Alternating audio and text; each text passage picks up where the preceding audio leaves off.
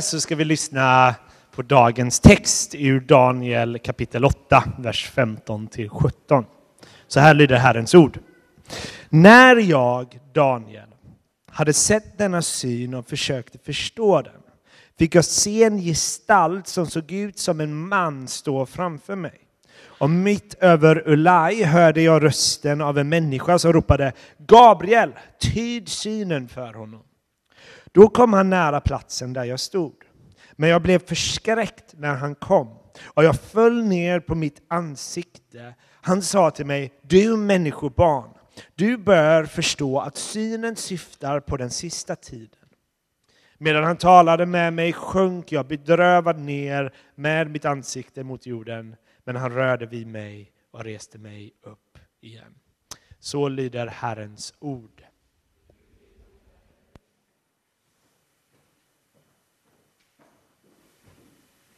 Varsågoda och eh, sitt ner.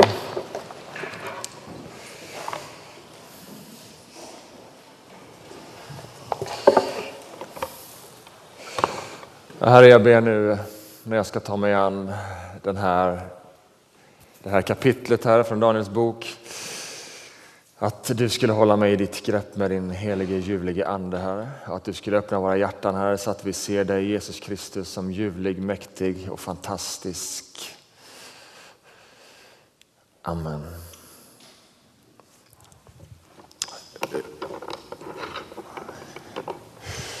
Man vet att man har eh, småbarn när man skär sig i fingret och det enda man hittar är liksom såna plåster med roliga mönster.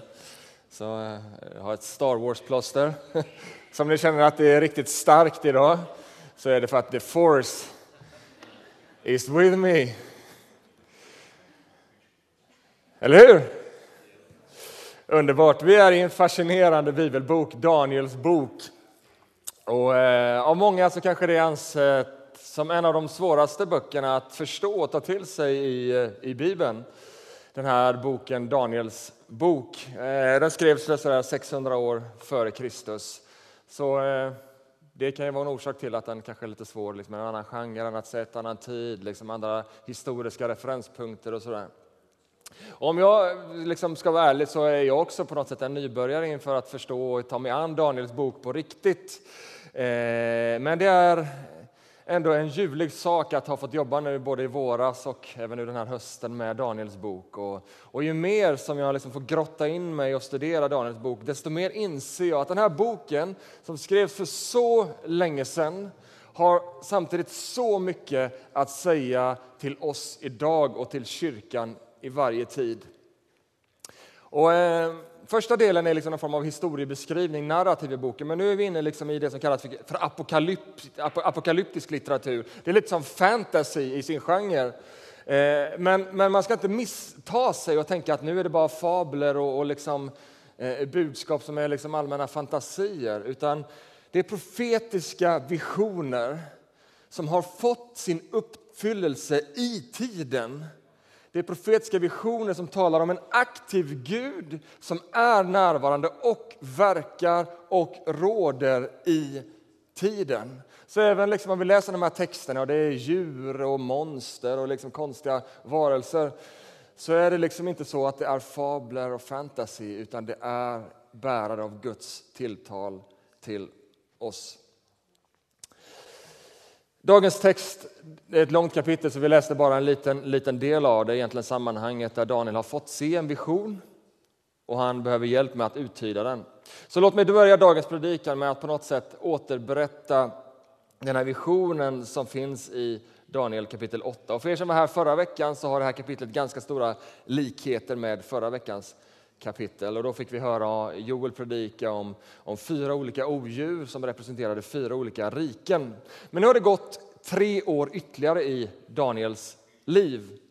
Och han får se en ny vision, han får se nya bilder som representerar riken och kungar. Och i, i den här visionen i kapitel 8 så får han se en bagge, han får se en bock och han får se fyra små horn varav ett av dessa hornen växer sig större och blir mäktigt. Låt oss närma oss det här lite, lite mer.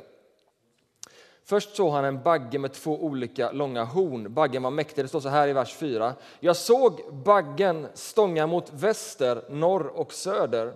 Och inget djur kunde stå emot honom och ingen kunde rädda någon ur hans våld. Han gjorde som han ville och blev mäktig. Baggen.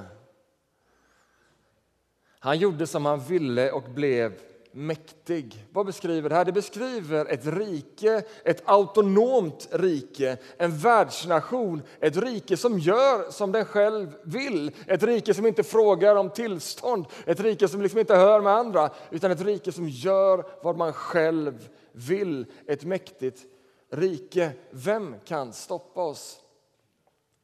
Och jag tänker lite, är det inte så som varje mäktigt rike ser på sig själv som mäktiga, som oövervinnliga. Vem kan stoppa oss? Vi gör som vi vill. Och det kanske inte bara gäller, jag tänker det gäller inte bara riken utan andra sammanhang som har framgång.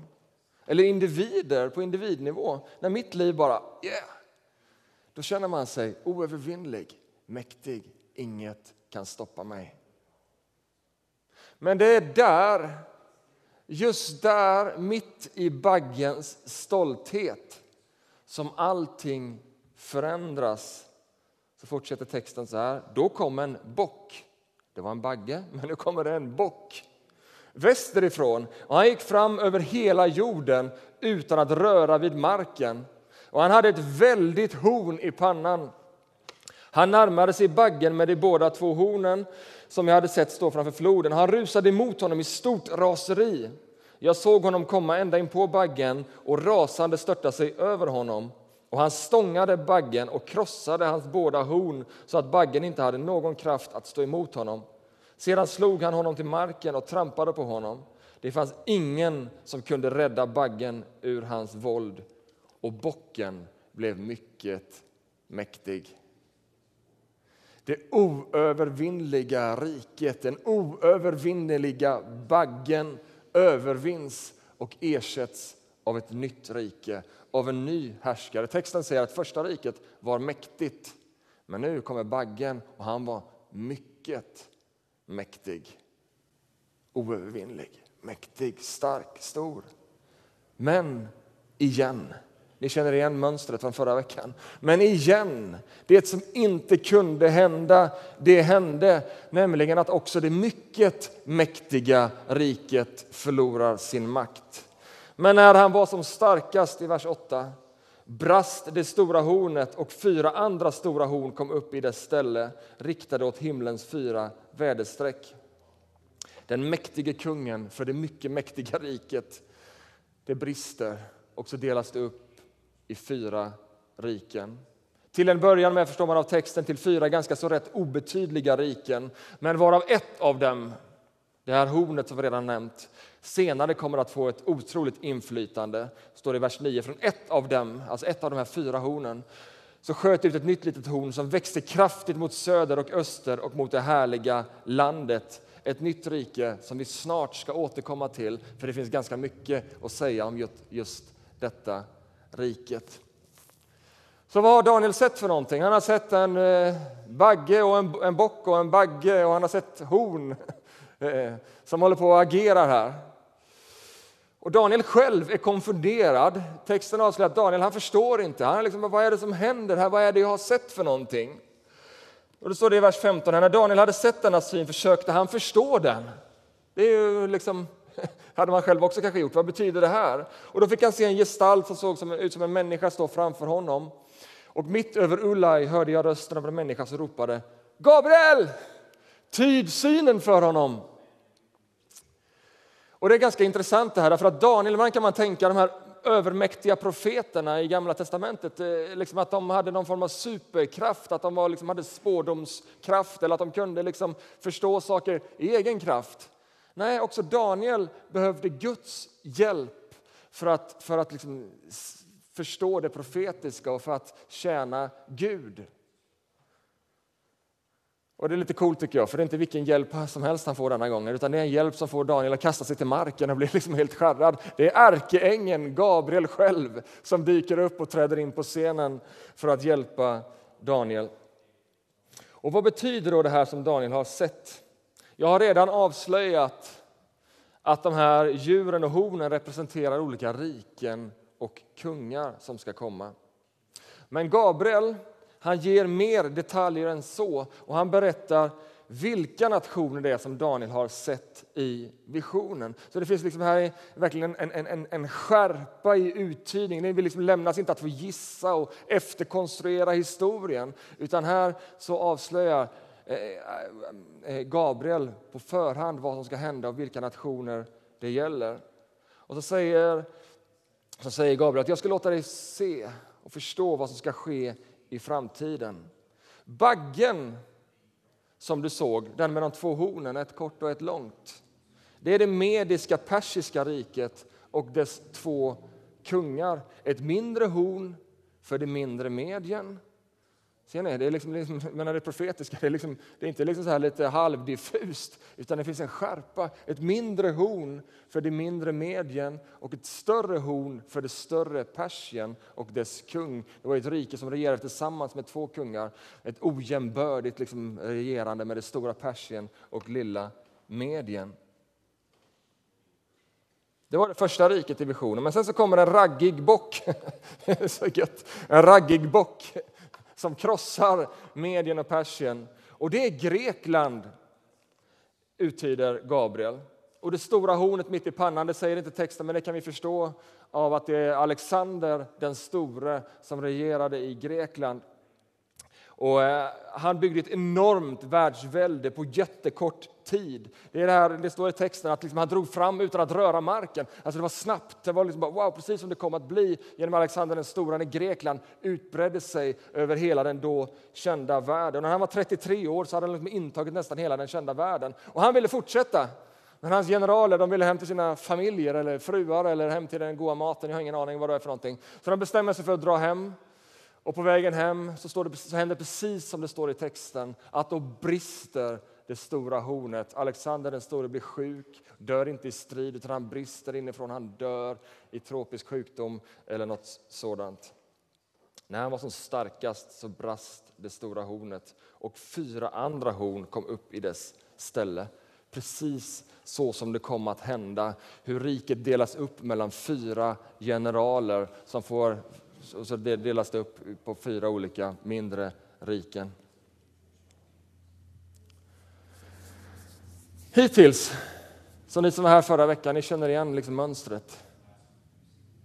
Riken kommer och går. De tror att de är övermäktiga, de tror de har koll på läget, de tror de vet allt, de tror att liksom, det finns ingenting som kan stoppa oss.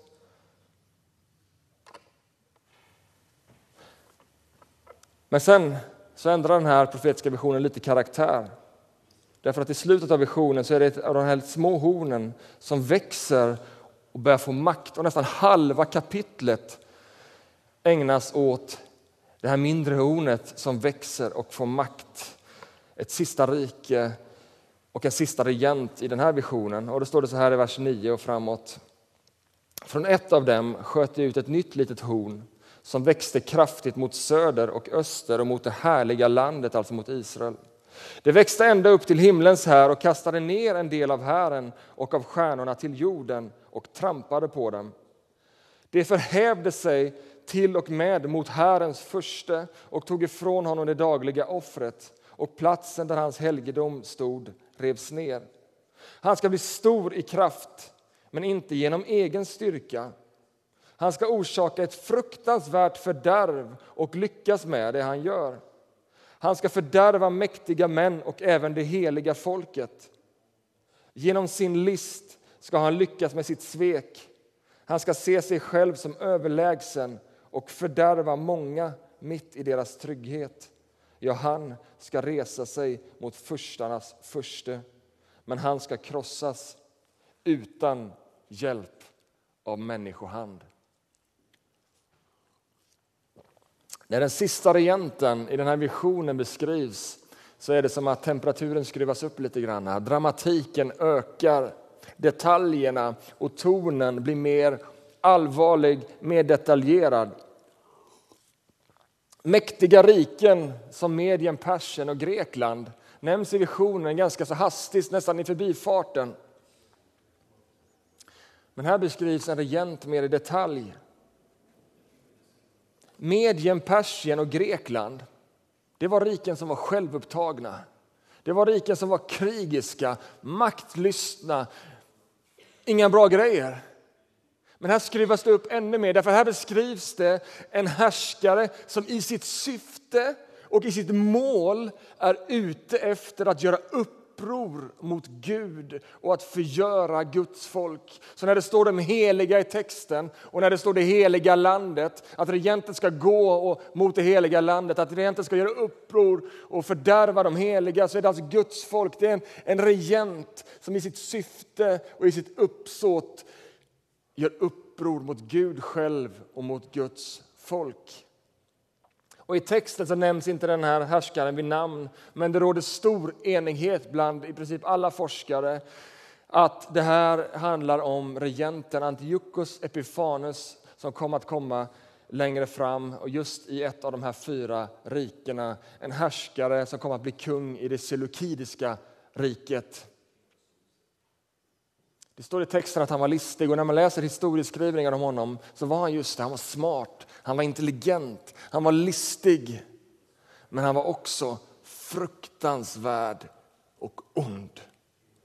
Inte bara lite, utan på riktigt. Vers 24 säger honom att han ska bli stor i kraft, men inte genom egen styrka. Antiochus Epifanus representerar ett rike som står i kontrast mot Guds rike. En härskare som regerar med en kraft som står i kontrast mot Guds kraft och mot Guds vilja och Guds tankar. Mynten i Selikidiska riket, alltså där han regerade, hade trycket på sig. Jag menar, vi kan ju tycka liksom att vi har liksom eh, Carl Gustav den, vad heter han nu då, på, på våra mynt. Så här, lite så här. Men, men vet, här så hade de en bild på, på, på Antiochos och så med texten Teos. Epifanes, vad betyder det? Gud uppenbarad. Så det var han såg på sig själv, liksom, äh, det är liksom jag som är som Gud. Det är jag som är liksom gudarnas representant. Han förhävde sig mot Gud i hela liksom sitt sätt att vara. Och det här namnet som han gav sig själv, Antiochus är ju fint, jag tror han hette Antiochus den fjärde. Men så la han till Epifanes i slutet härlighetens ljus. ja, jag vill att ni ska börja kalla mig för Jakob, härlighetens ljus. Lite ofräscht, lite ofräscht kanske. Men det här är Antiochos. Det var så han såg på sig själv. Han ville ta Guds plats. Och vers 24 säger att han ska orsaka ett fruktansvärt fördärv och han ska lyckas med det han gör. Han ska fördärva mäktiga män och även det heliga folket. Det här är precis vad som kommer att utspela sig i historien genom denna härskare som var grym och ond. Han mördade urskillningslöst och till och med barn, omskurna barn. Låt oss skära av hela... Han var ond på riktigt, han mördade kvinnor. Han liksom var riktigt ond och förföljde det judiska folket. Han förbjöd judisk tro. Och texten fortsätter att han skulle fördärva allt för det judiska folket. Och det gör han. Han intar Jerusalem. Ni vet, för judarna var centralt med templet, med det dagliga offret. Ni vet, det som vi ser pekar tillbaka, pekar framåt det som Kristus skulle göra, att han skulle bli det fullkomliga offret. För judarna var det dagliga offret i templet helt avgörande för att sona för folkets synd och, och liksom i deras gudstjänst. Det avskaffar han, det förbjöd han. Och han skändar templet genom att slakta det som judar inte gillar, nämligen grisar på, på, eh, på eh, altaret. Och han sätter där också en avbild eller liksom någonting eh, som, för Zeus-dyrkan på altaret. Han skändade det heliga. Han gjorde uppror mot Gud, precis som texten säger att han ska resa sig upp mot förstarnas förste. Det står i vers 10 att han utmanar himlens här och stjärnorna. Vad är det här? Det är inte bara strid människa mot människa, utan det beskriver en kosmisk strid. Det beskriver någon som liksom en strid som sker mellan Guds här och den ondes här. Varför lägger jag så mycket tid på detta? Jo, därför att texten gör det. Skyll inte på mig att jag fick den här texten, det var mörker och ondska. Men det finns faktiskt ganska mycket centrala saker att förstå i den här texten. Därför att den här personen, det här riket som beskrivs och den här härskaren som beskrivs representerar mer än ett jordiskt rike. Ja, Antiochos Epifanes var härskare för det seleukidiska riket. Men jag, så som jag förstår texten och som jag förstår hur Nya testamentet också refererar till den här texten så beskrivs det som beskrivs här beskrivs hela det rike som genom hela historien gör uppror mot Guds folk och mot Gud själv och det som Bibeln kallar för antikristrike. Paulus i andra, andra Thessalonikerbrevet kapitel 2 så använder han det här sammanhanget och han talar om Antiochus Epifanes som en prototyp, prototyp för den antikrist som ska träda fram i den sista tiden, så som Bibeln talar om. Att i den sista tiden så ska laglöshetens människa framträda. Det står i samma text, andra Thessalonikerbrevet kapitel 2. Så det är liksom en pekare på liksom det rike som gör uppror mot Gud i tiden, alltså motverkar Guds folk och Guds planer i världen. Och vi vet ju vem som har segrat. Vi vet att Jesus Kristus är kung och att han har segrat, att han är Herre och att han snart kommer för att fullborda allting. Men i den här tiden så gör den onde vad han kan för att motarbeta Guds verk, för att motarbeta kyrkan, för att motarbeta det du och jag gör för Gud. Och menar, vi ser idag en ökande förföljelse ut över vår värld mot kristna. Och vi har ju en familj, kanske flera, men en familj i den här församlingen som har fått fly till det här landet från ett annat land just för att de har blivit förföljda och riskerar livet för sin tro. Så det här är högst relevant i vår tid. Förföljelsen ökar drastiskt och vi kanske lever i den tid där förföljelsen faktiskt ut över jorden är större än någonsin. Det finns ett rike som är uppror mot Gud. Det finns ett rike bortom alla andra jordiska riken som finns där för att influera, för att liksom påverka de som regerar till att göra uppror mot Gud. Och Vi ser det också i det här landet hur det mer och mer kostar på att stå upp för det Bibeln säger. Att stå upp för vad Bibeln säger om synd och vad som är synd och rättfärdighet och behovet av omvändelse. Det blir mer och mer trångt att tro på vad den här boken säger. Varför? Därför att det finns ett rike som är i uppror mot Guds rike. Så kommer det vara tills Jesus kommer åter.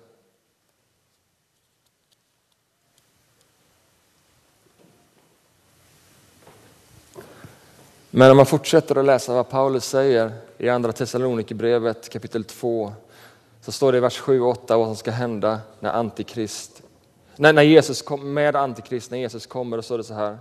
Laglöshetens hemlighet är ju redan verksam, alltså det här riket, det är redan verksamt. Det är redan verksamt ut över jorden. Det finns liksom ett rike som är verksamt. Nu måste bara han som håller tillbaka röjas ur vägen. Sedan ska den laglöse träda fram, han som Herren Jesus ska döda med sin muns ande och förgöra med glansen vid sin ankomst. Laglösheten, ondskan är verksam. Men det finns någon som ska komma återigen som har all makt i himlen och på jorden. Så hur ont det än är, hur mörkt det än är, så bara vid glansen av hans åsyn, bara hans andedräkt, så måste ondskan böja sig och dess makt krossas och förgöras. Det är inte ofta vi pratar om det här om de här sakerna. Ofta så vill man ju bara, liksom, kan vi bara tala om det göttiga och hur härligt det är att tro på Jesus och vilket härligt liv vi får när vi följer honom. Och, och det finns jättemycket dimensioner av detta. Men så finns det den här dimensionen också. Jag tror vi måste ha en bibliskt rotad realism.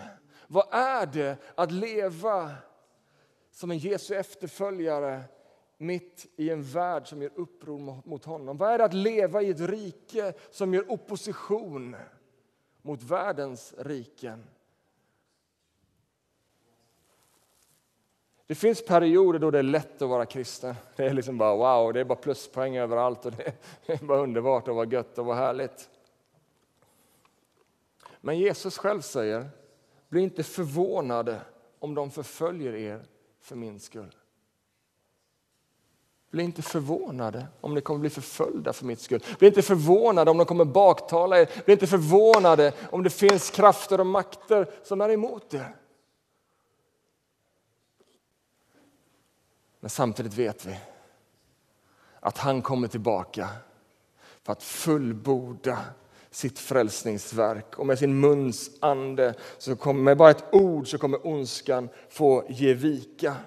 Så låt oss inte oroas, utan vi vet att Gud är på vår sida och att ingenting, Romarbrevet 8 säger att ingenting kan skilja oss från Guds kärlek och Guds beskydd. I den här visionen så säger Daniel, eh, Daniel hur länge ska det här pågå? Hur länge ska liksom templet få skändas? Hur länge ska det heliga liksom få, få vara liksom skändat?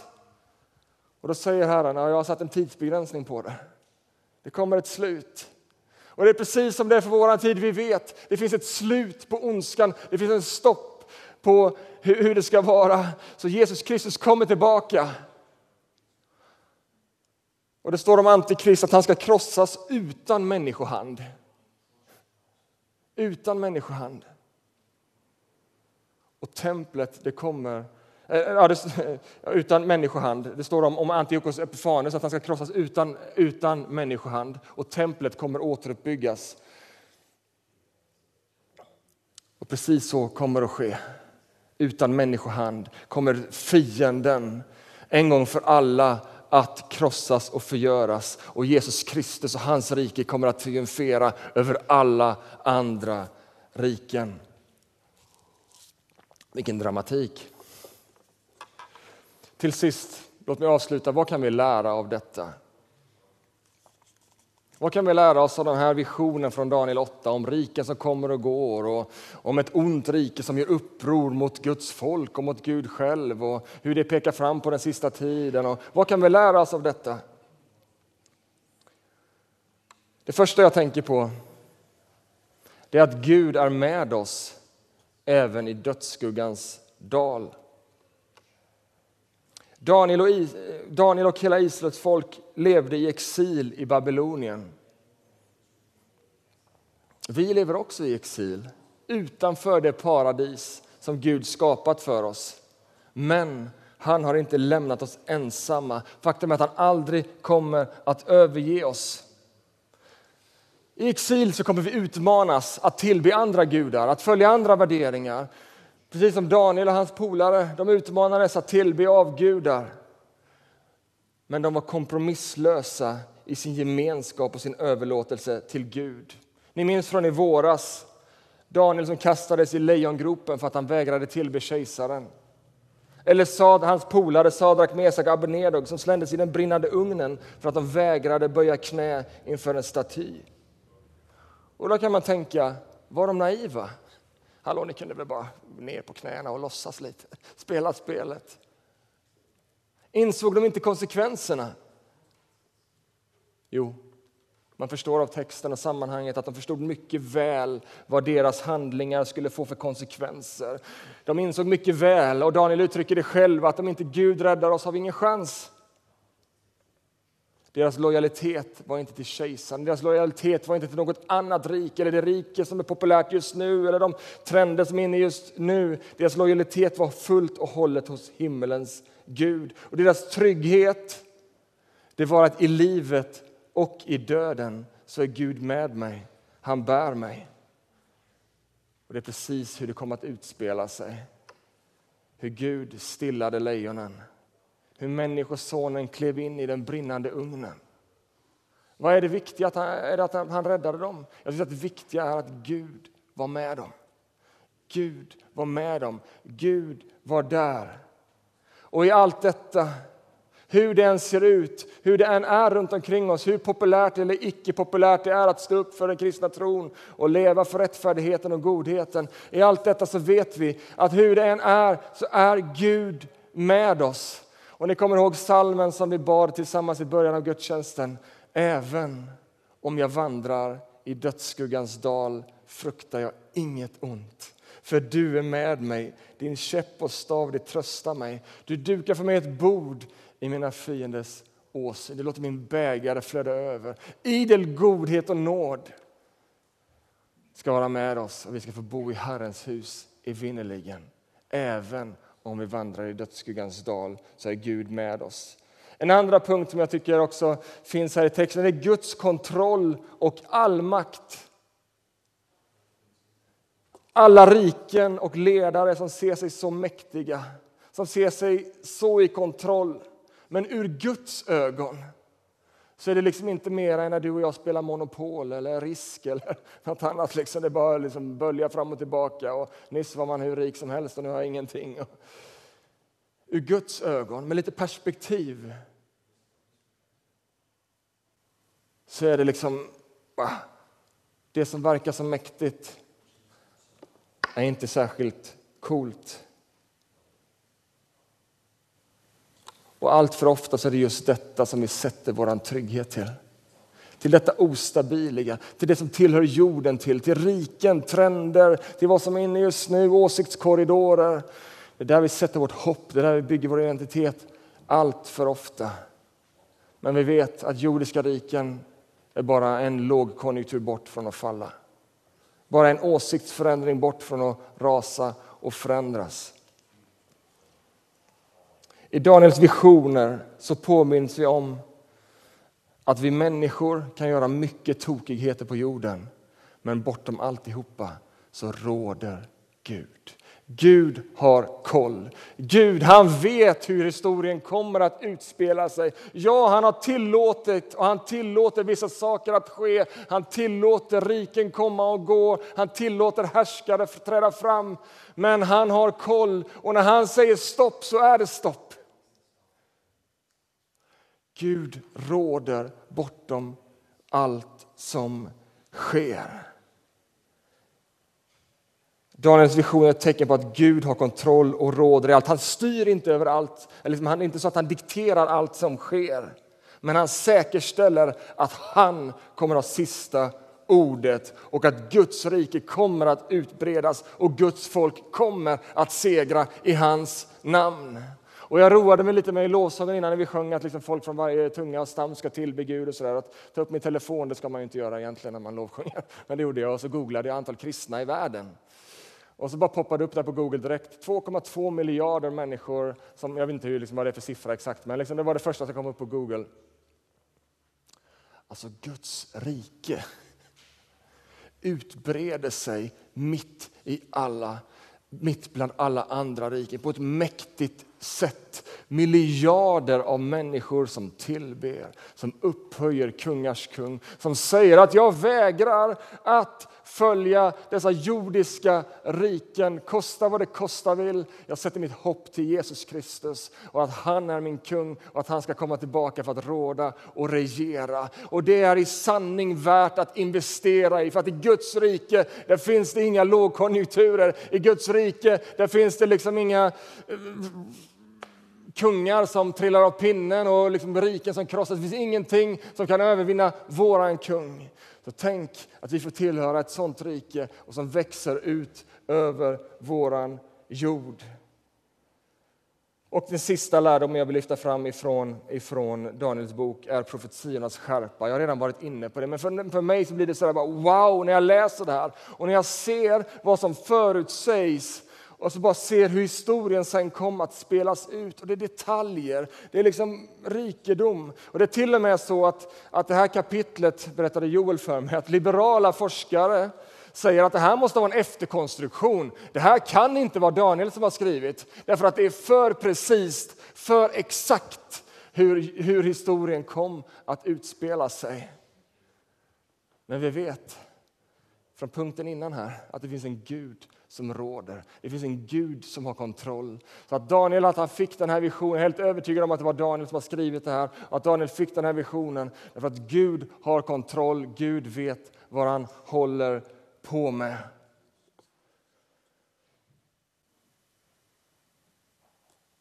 Antiochus Epifanes, som vi har hört alldeles för många gånger idag. Han utmanade Gud och Guds folk. Men Gud satte ett stopp för honom och templet, ni vet platsen för Guds härlighet, kom att återuppbyggas. Det är mäktigt i sig.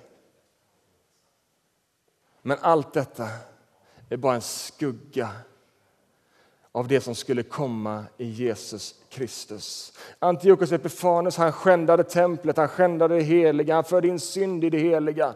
Men Gud renade templet. Gud återupprättade templet och platsen för hans härlighet. Det här pekar fram emot hur Gud 200 år senare själv skulle kliva in i världshistorien. Hur han själv skulle bli skändad, hur han själv skulle bli uppfylld av synd.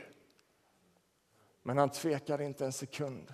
Han kom hit ner. Han lät sig skändas, han lät sig iklädas hela mänsklighetens synd. Han lät sig bli spottad på. Men det är inte bara världens riken som gör uppror mot Gud, utan upproret finns också inom oss. Men det slutar inte där. Templet kom att byggas upp igen. Heligheten blev återupprättad i Israel. Jesus kom att uppstå igen och vår synd, vårt uppror har blivit förlåtet och vår helighet har blivit återupprättad.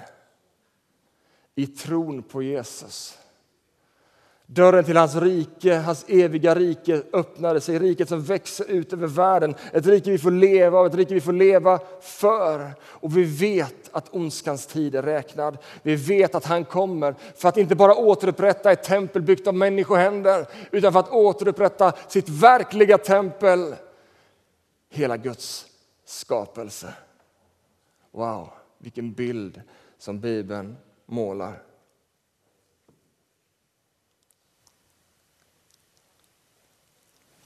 Som jag har sagt, dagens text ger en, jag skulle säga en sann realism av vad det faktiskt är att leva kristen i vår tid. Men vi vet att även om vi vandrar i dödsskuggans dal så är han med oss. Och vi vet att vi tillhör ett rike som växer som bara den ut över jorden. Även om alla andra riken vill tysta ner det, även om andra riken vill bara säga att det är omodernt, det är liksom ute att vara kristen, så vet vi att vi tillhör ett rike som expanderar och som kommer att trumfa alla riken och att kungen kommer att komma tillbaka. Och I allt det här också så finns det hopp för dig i dina personliga utmaningar du sitter med just nu. Det har varit liksom episka teman vi har pratat om här. Det har varit liksom stora saker, kanske nästan lite ogreppbart och lite hur ska jag göra med det här? Men det finns också i detta ett tilltal till dig rakt in i din situation. Vad är det för riken som utmanar dig just nu? Vad är det för makter som vill sätta dig på prov? Vad är det för utmaningar du står inför? Vad är det för mardrömmar du drömmer? När du är vaken eller sover? Vad är det som plågar dig? Texten lär oss att allt det där är bara baggar och bockar. Vad är baggar och bockar? Jo, det är sådana som en herde har kontroll över. Och vet ni vad? Vi har en kung som är den gode store herden. Inför varje bock, varje bagge måste böja sina knän och ge upp. Så jag vill säga, jag vill tala in hopp in i ditt liv. Att Gud kan befria dig just nu. Han kan tysta de där bockarna och baggarna som vill utmana dig. Han kan liksom ah, vifta iväg dem. Men han talar också in ett hopp som är av evig karaktär. Att det vi möter här och nu är en sån liten sak. En kort tid och snart kommer han igen för att återupprätta allt. Amen.